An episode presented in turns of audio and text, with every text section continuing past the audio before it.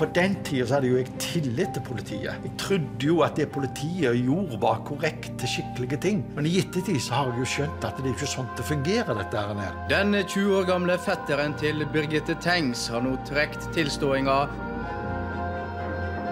Noen har gjort det. Han har fortalt at han har gjort det. Birgitte er død. Det er snart 20 år siden nå. Tre mennesker ble skutt og drept i et hus på familiegården Orderud utafor Oslo. Antagelig var det to skyttere i huset den natta, og det virker som den ene skøyt ganske vilt, mens den andre skøyt kontrollert. Vi veit fortsatt ikke hvem som brøyt seg inn og tok livet av de tre menneskene på Orderud gård i pinsen i 1999. Bare at fire mennesker er dømt for å ha medvirket til drapene. Dette er tennene til isdagsken. I 46 år har hun vært en gåte. Vi er på rett sted. Det er gropa. Vi prøver å finne ut hvem hun var. Det er noe her. Det er noe her. Vi har fått en DNA-profil fra vevsprøver av henne. Og DNA-et hennes forteller at hun var fra Europa. Her har du ren emalje. Oi! Nå er spørsmålet om tennene hennes kan fortelle mer om hvor hun kom fra. Drapet på Birgitte Tengs Orderud-saken og mysteriet rundt Isdalskvinna. Vi simpelthen elsker true crime-TV-serier og podkaster og strømmer til for å bli underholdt og for å få innblikk i kompliserte, dramatiske og groteske kriminalsaker. Og medieselskapene de gir oss det vi vil ha. I Norge er det publisert flere store serier bare nå i høst, og det kommer til å bli bare mer av det her. Men er det uproblematisk å blande journalistikk, etterforskning og underholdning på denne måten? Kanskje ikke. Og Senere i Kurer i dag skal vi diskutere de tre sakene som har fått mest oppmerksomhet i mediene den siste uka, med panelet vårt. Jeg heter Lars Erik Ertsgaard Ringen. Velkommen til Kurer.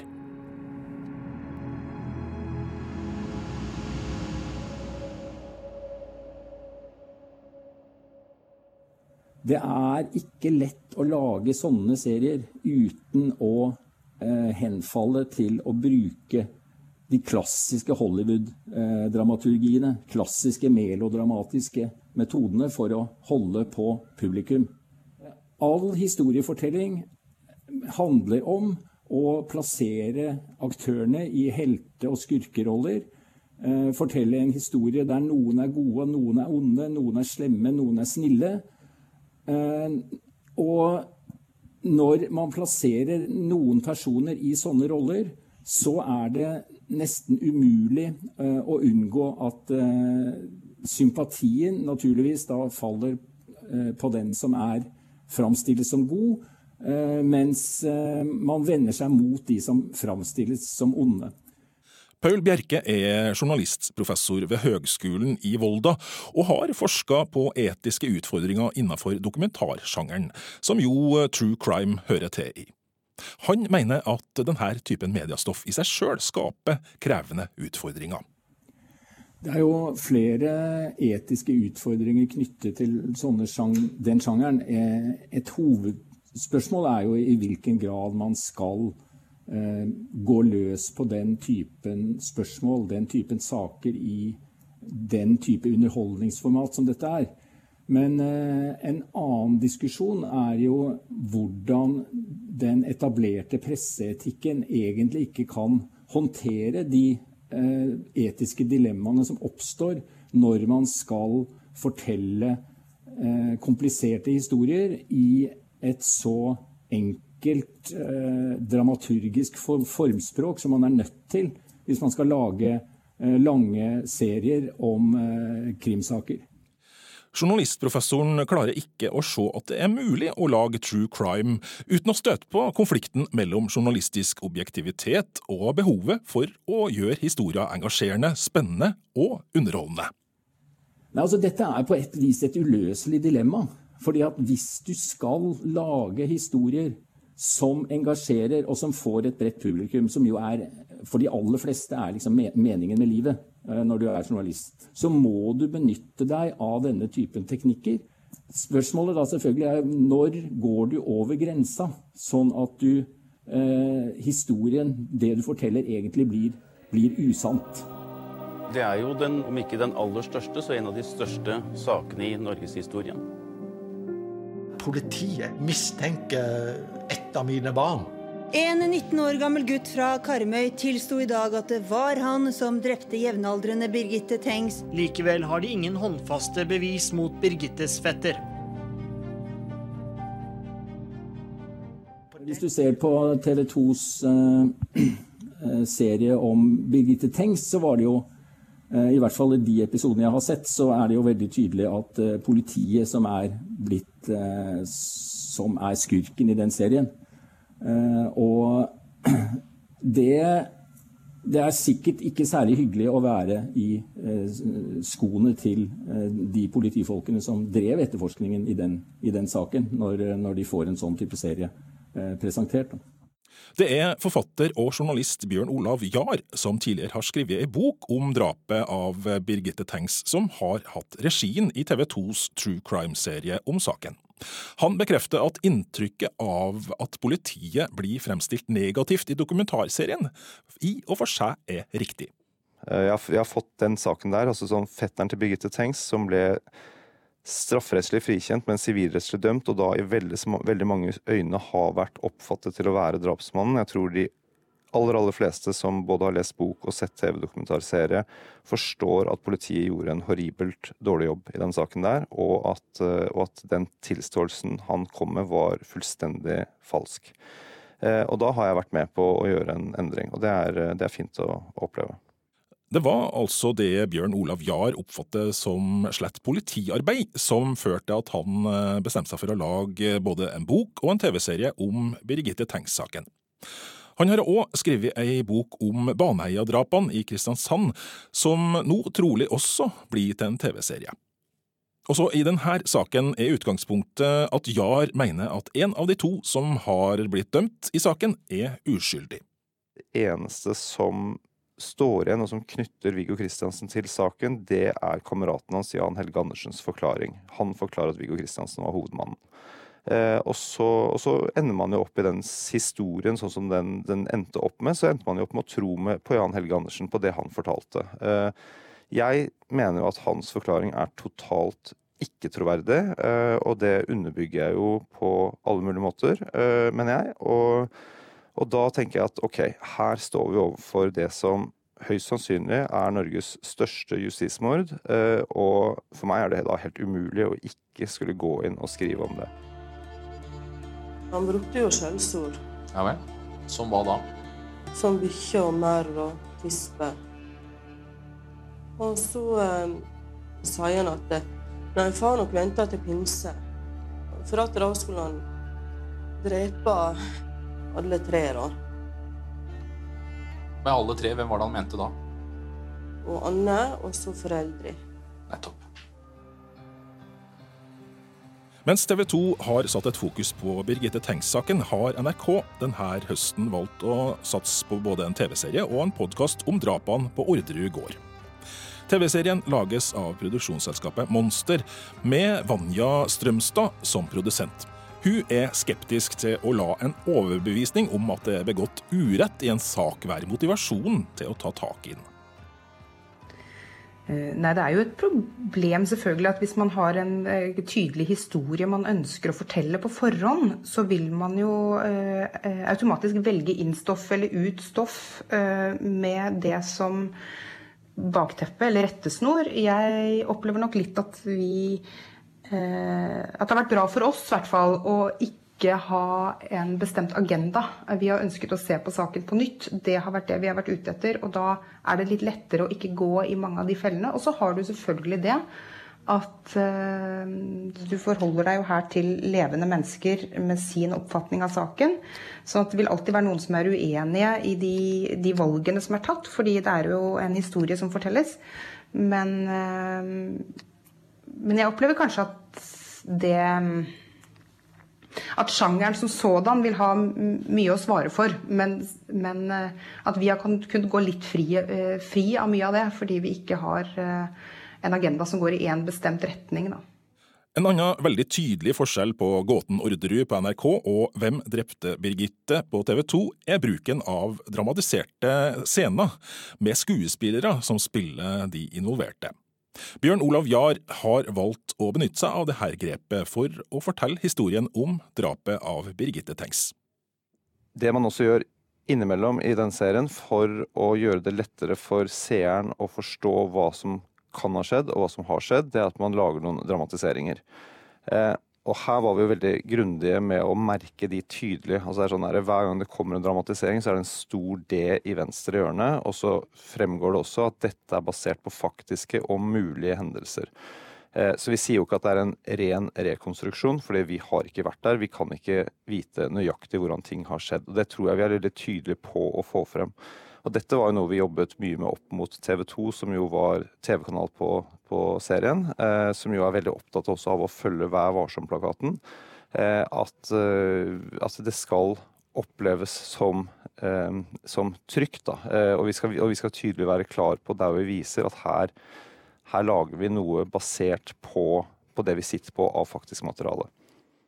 Hos Monster valgte redaksjonen bak Gåten Orderud å holde seg unna det å dramatisere det som skjedde med skuespillere, forteller produsent Vanja Strømstad.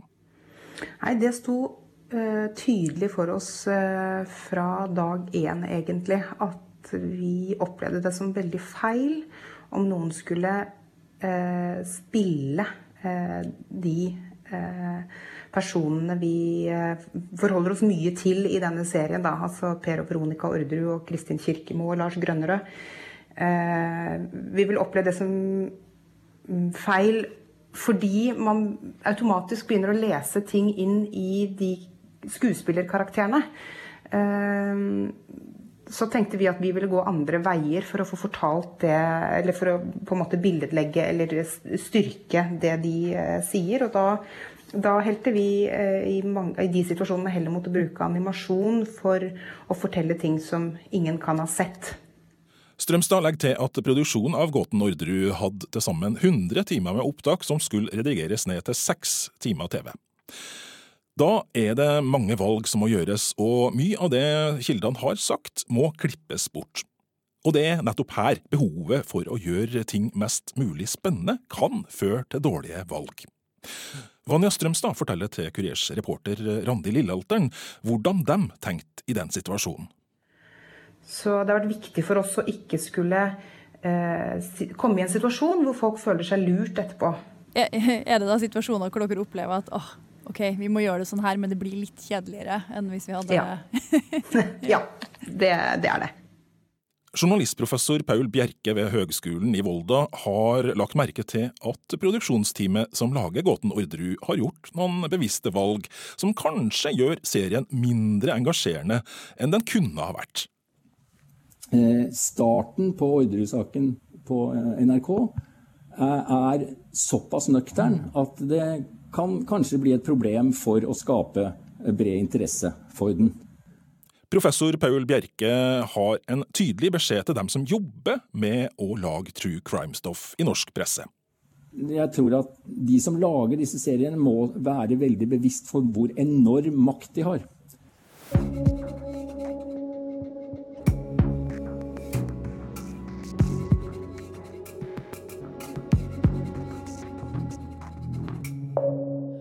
Vi har samla Kurers mediepanel for å snakke om de tre sakene som har fått mest oppmerksomhet i de største nettavisene denne uka. Og vi starter med et kort spørsmål til dagens paneldeltakere. På en skala fra én til ti, der én er 'jeg styrer unna denne saken så hardt jeg bare greier', og der ti er 'det her er det ypperste innen minutt for minutt-pressedekning. Hvor lei er du av fregattsaken, Merete Verstad, distriktsredaktør i NRK Trøndelag? Der blir jeg nok litt lang, for jeg er litt todelt der. Jeg kjenner jeg begynner å bli litt lei av oljesøl og størrelsen på kraner og den type ting som drar ut i det lengste, så der er det en toer.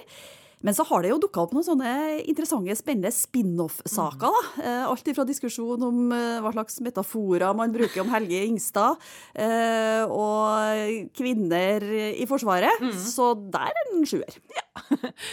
Hel, eh, ikke Helge Ingstad, men Hege Tunstad, kommunikasjonsansvarlig ved NTNU Energi. Hvor vil du plassere deg på denne skalaen? Jeg tror jeg er en god sjuer. Å ja? Mm. Jeg er jo både fascinert av spin-off-sakene, men spesielt av store militære fartøy, både fly og fregatter. Så ja, god sjuer. Følger med. Mm. Og Anders Tangenes, komiker og samfunnsdebattant. Går du til høyre eller til venstre, eller hele deg til sentrum på denne skalaen? Det er et godt spørsmål. Eh, jeg jeg går babord, da, som er å styre godt unna en oljetanker når det kommer til nyhetsinteressen. Der er jeg, eh, jeg er veldig lei. Jeg gidder ikke å se fire timer med live dekning av eh, hevingen av denne båten, men styrer rett inn i eh, Rett inn styrbord, inn i oljetankeren når det kommer til interesse for på en måte mystikken rundt denne saken her. Sånn som hvem var han amerikaneren om bord, og hva gjorde han der, og var det Jean-Claude van Damme? Og... Ja, ikke sant. Vi skal snakke mer om det senere, men analysebyrået Retriever har laga ei liste til oss, der de har rangert de mest omtalte sakene denne uka. Og den som har ligget høyest opp og lengst tid på nettavisene, er budsjett- og regjeringsforhandlingene mellom KrF og regjeringa. Merete, du har jo tidligere i mediepanelet titulert deg som politisk nerd. Eh, hvordan har denne høstens endeløse KrF-bonanza vært å følge for en som deg? Jeg syns jo fortsatt det er helt fantastisk at uh, Kristelig Folkeparti kan sette en sånn politisk uh, dagsorden uh, i Norge. Men det har jo alle elementene i seg. Og eh, nå den siste vekka så har jeg tenkt at eh, vi, vi, nordmenn vi elsker jo sånn type Netflix-serier som House of Cards. Mm. Eh, vi elsker jo det, fordi at der går vi jo liksom behind the scenes. Vi får se det politiske spillet. Mm. Altså litt sånn drittspillet ja. i politikken. Uh, og plutselig nå så har det også blitt løfta fram veldig at det foregår veldig mye rart i, på kveldsmøter, også i Kristelig Folkeparti og Høyre. Og jeg tenker at uh, sånn seriøst sett da, så tenker jeg at det er veldig viktig at media forteller om det. Mm. Uh, at politikken ikke avgjøres i stortingssalen med stemmeknapper, men at det er på kontorene på sene kveldstid. Altså. Det syns jeg er kjempebra. Å vise den sida at det er også en del av demokratiet. Mm. Hege, du ser jo denne politiske journalistikken fra et litt annet ståsted, nemlig din arbeidsplass NTNU. Hva syns du om volumet på saker om det her eh, spillet som har vært denne høsten? Det tar jo full, det er full dekning overalt, alle kanaler hele tida. Og eh, jeg biter meg merke de sier jo det samme om igjen og om igjen. og om igjen. Altså, en ny sak det har liksom en bitte liten eh, nyhet i seg, og så skal man snakke om det samme og gjenta seg sjøl opp og ned og frem og tilbake. Så eh, når dere budsjettkameratene står i vandrehallen og skal legge frem og skryte av 'jeg har fått igjennom', og så kommer den samme regla om igjen, da tuner jeg litt ut fra hva de sier, og så begynner jeg å se på kroppsspråket deres i stedet. ja. For det er mye mer spennende å se på hvordan oppfører Henrik Asheim seg når han ikke sier noe. Mens Ropstad står og ramser opp hjertesakene sine, så legger vi en blyant forsiktig ned, og så tvinner vi litt tommeltotter. Og så ser du hvilke kjevemuskler som strammer seg, og når er de enige og enige. Det syns jeg er veldig fascinerende å se på. Mm. Anders, som komiker, eh, det må da være mye å ta tak i i denne føljetongen for deg? De, klarer, de føler de klarer det godt sjøl, Det er lite, lite igjen til oss andre. Men eh, nei, vet ikke, jeg føler kanskje det har vært litt mye, litt mye politisk spill og litt lite, litt lite Det har vært en nydelig uke hvis man elsker bilder av Kjell Ingolf Ropstad. Men jeg føler det er ingen har behov for å se mer enn ett bilde av han i uken. Eh, kanskje bort fra nær familie. Så jeg vet liksom ikke eh, det har ikke vært så mye politisk innhold. Det var liksom bare denne her taxfree-saken har vært den eneste politiske saken jeg har diskutert i tre-fire dager, og det er jo ikke Mm. Den flasken er viktig, den. Ja, der synes jeg det, Du nevnte denne taxfree-saken. Liksom det, mm. det, blir plutselig en veldig stor diskusjon om to flasker vin. Men det tenker jeg er litt sånn typisk Norge, da, dessverre. Hvis at man skal klare å forklare verdiskillelinjene i Norge, så er du nødt til å ta i bruk alkohol. To flasker ja. vin. Da skjønner jeg å ja, det er det som er forskjellen på Fremskrittspartiet og Kristelig Folkeparti. To flasker vin. Da er det sånn aha. Kanskje hvis de måtte drikke de flaskene før de skulle debattere, så hadde de fått litt mer ærlige svar. Enda mer Rose Cards. Det er jo en eh, kjent sak at man løser verdensproblemer over noen flasker vin. Ja, ja. ja ikke sant? ja, for det er jo ikke bare forhandlingene mellom KrF og regjeringa som har ligget toppsjikt denne uka. KrFs retningsvalg eh, ligger jo òg på en fjerdeplass. Hvorfor tror du at vi fortsetter denne mediedekninga om denne saken, Hege? Det er jo et knøttlite parti da, som eh, noen har eh, slått en kile midt i. da. Og det er klart, I kristendommen sin historie så er jo både Judas og sølvpenger og alle sånne små ting. Det er jo viktig, og det hadde jo ikke vært en like god historie uten. Så det er vel at det er en veldig god historie da, når det som skal være den som skal være bestevenner, plutselig splittes på midten. Da. Og hva skjer med dem? Og... Anders, har det blitt sånn at KrF har blitt en clickbate? Ja, det tror jeg var ingen som hadde forutsett for, for to måneder siden. Nei. Nei, jeg, vet ikke, jeg, tror, jeg tror jo grunnen er at uh, både norske journalister og uh, egentlig alle elsker sladder. Uh, og hva er egentlig på en måte politisk journalistikk annet enn liksom Det er Hotell Cæsar for folk med Aftenposten-abonnement Ja. og kontorjobb. altså det er dette sa Kjell Ingolf Ropstad til Olaug Bollestad om Knut Arild Hareide på kontoret til Erna Solberg når de skulle møte Siv Jensen, fordi Erna Solberg har en ond tvilling eh, eller noe sånt. Det er, det er navn på navn på bilde på bilde. Mm. Denne uka så freestyler vi litt, for å bruke et godt norsk begrep. Eh, opp og ned denne topplista, for på tredjeplass så ligger sjakk-VM. Og det, vet du hva, det hopper vi rett og slett bukk over, fordi at det ligger så lenge på nettsida. Fordi at partiene varer jo en evighet, og det er jo remis etter remis etter remis. Så jeg tror ikke vi har så mye nytt å melde der. Men da går vi rett på andreplassen. Og der ligger jo en gammel kjenning, nemlig Helge Ingstad. Eh, Anders, hva vil du si om dreininga i denne fregattsaken i uka som har vært? Har gått nedover eh, med båten og dekningen, eh, egentlig. Eh, nei, jeg vet ikke. Jeg, Merete var litt inne på dette, med begrepsbruk og Helge Ingstad og sånt. Det, Mm. det er jo fordi at nå har de begynt å, begynt å gå tom for ting å skrive om båten. Eh, så nå har vi begynt å på en måte finne noe annet. Ja, kan vi skrive litt om hvem var egentlig denne Helge Ingstad? Mm. Personen bak alt dette her. Det er jo en effektiv, men kanskje kostbar måte å lære om norsk historie på. da. Så hvis vi, hvis vi kaller den neste fregatten for klimaendringen, og så senker vi den, så kanskje får det noe oppmerksomhet også. Ja. Eller alle disse haleheltflyene til Norwegian, hvis de begynner å styrte, så lærer vi noe om Ola Amundsen. Ja, det er sant. Ja, det være. Men der var det jo en litt sånn interessant sånn eh, mediepubliseringsgreie, da. fordi at eh, det den saken jeg husker fra uka her med, med Helge Ingstad. Det var jo dattera til Helge Ingstad som gikk ut og var veldig kritisk til Fridtjof Jacobsen fordi at han hadde sammenligna eh, faren hennes med et eh, havari og mislykkethet. Og hadde skrevet et leserinnlegg på papir i Klassekampen som spredde seg på sosiale medier. Og det, da ble det en sånn aha-greie til folk flest. Eh, hvordan vi bruker ord eh, og metaforer. Så det ble en sånn, synes jeg en interessant eh, vridning, og i hvert fall til oss som jobber i media. da. Eh, hvor mye makt vi har i forhold til de ord vi bruker, så vi bare slenger ut ord og ikke tenker noe mer på det. Så det var interessant. Mm. Et annet sidespor som plutselig dukka opp, var det her med kvinner i Forsvaret. Hege, tenker du at det er noe eh, media skal belyse? Det er jo fascinerende at det alltid skal være eh, Vi forklarer en eller annen krise eller katastrofe med at ja, det må være en kvinne som står bak, eller kanskje helst en utlending. da. Ja? Her har vi jo fått begge deler. Da Eh, Da Titanic gikk ned, så var det jo ikke kvinnelig eh, kaptein da heller. Men det blir aldri forklart med at han var mann, at det var det som var utfordringa. Så det, jeg, tror, jeg tror vi alle sammen håper at det var amerikaneren som var problemet nå. da. Selv om ansvaret ikke ligger der, så kan vi skylde på han.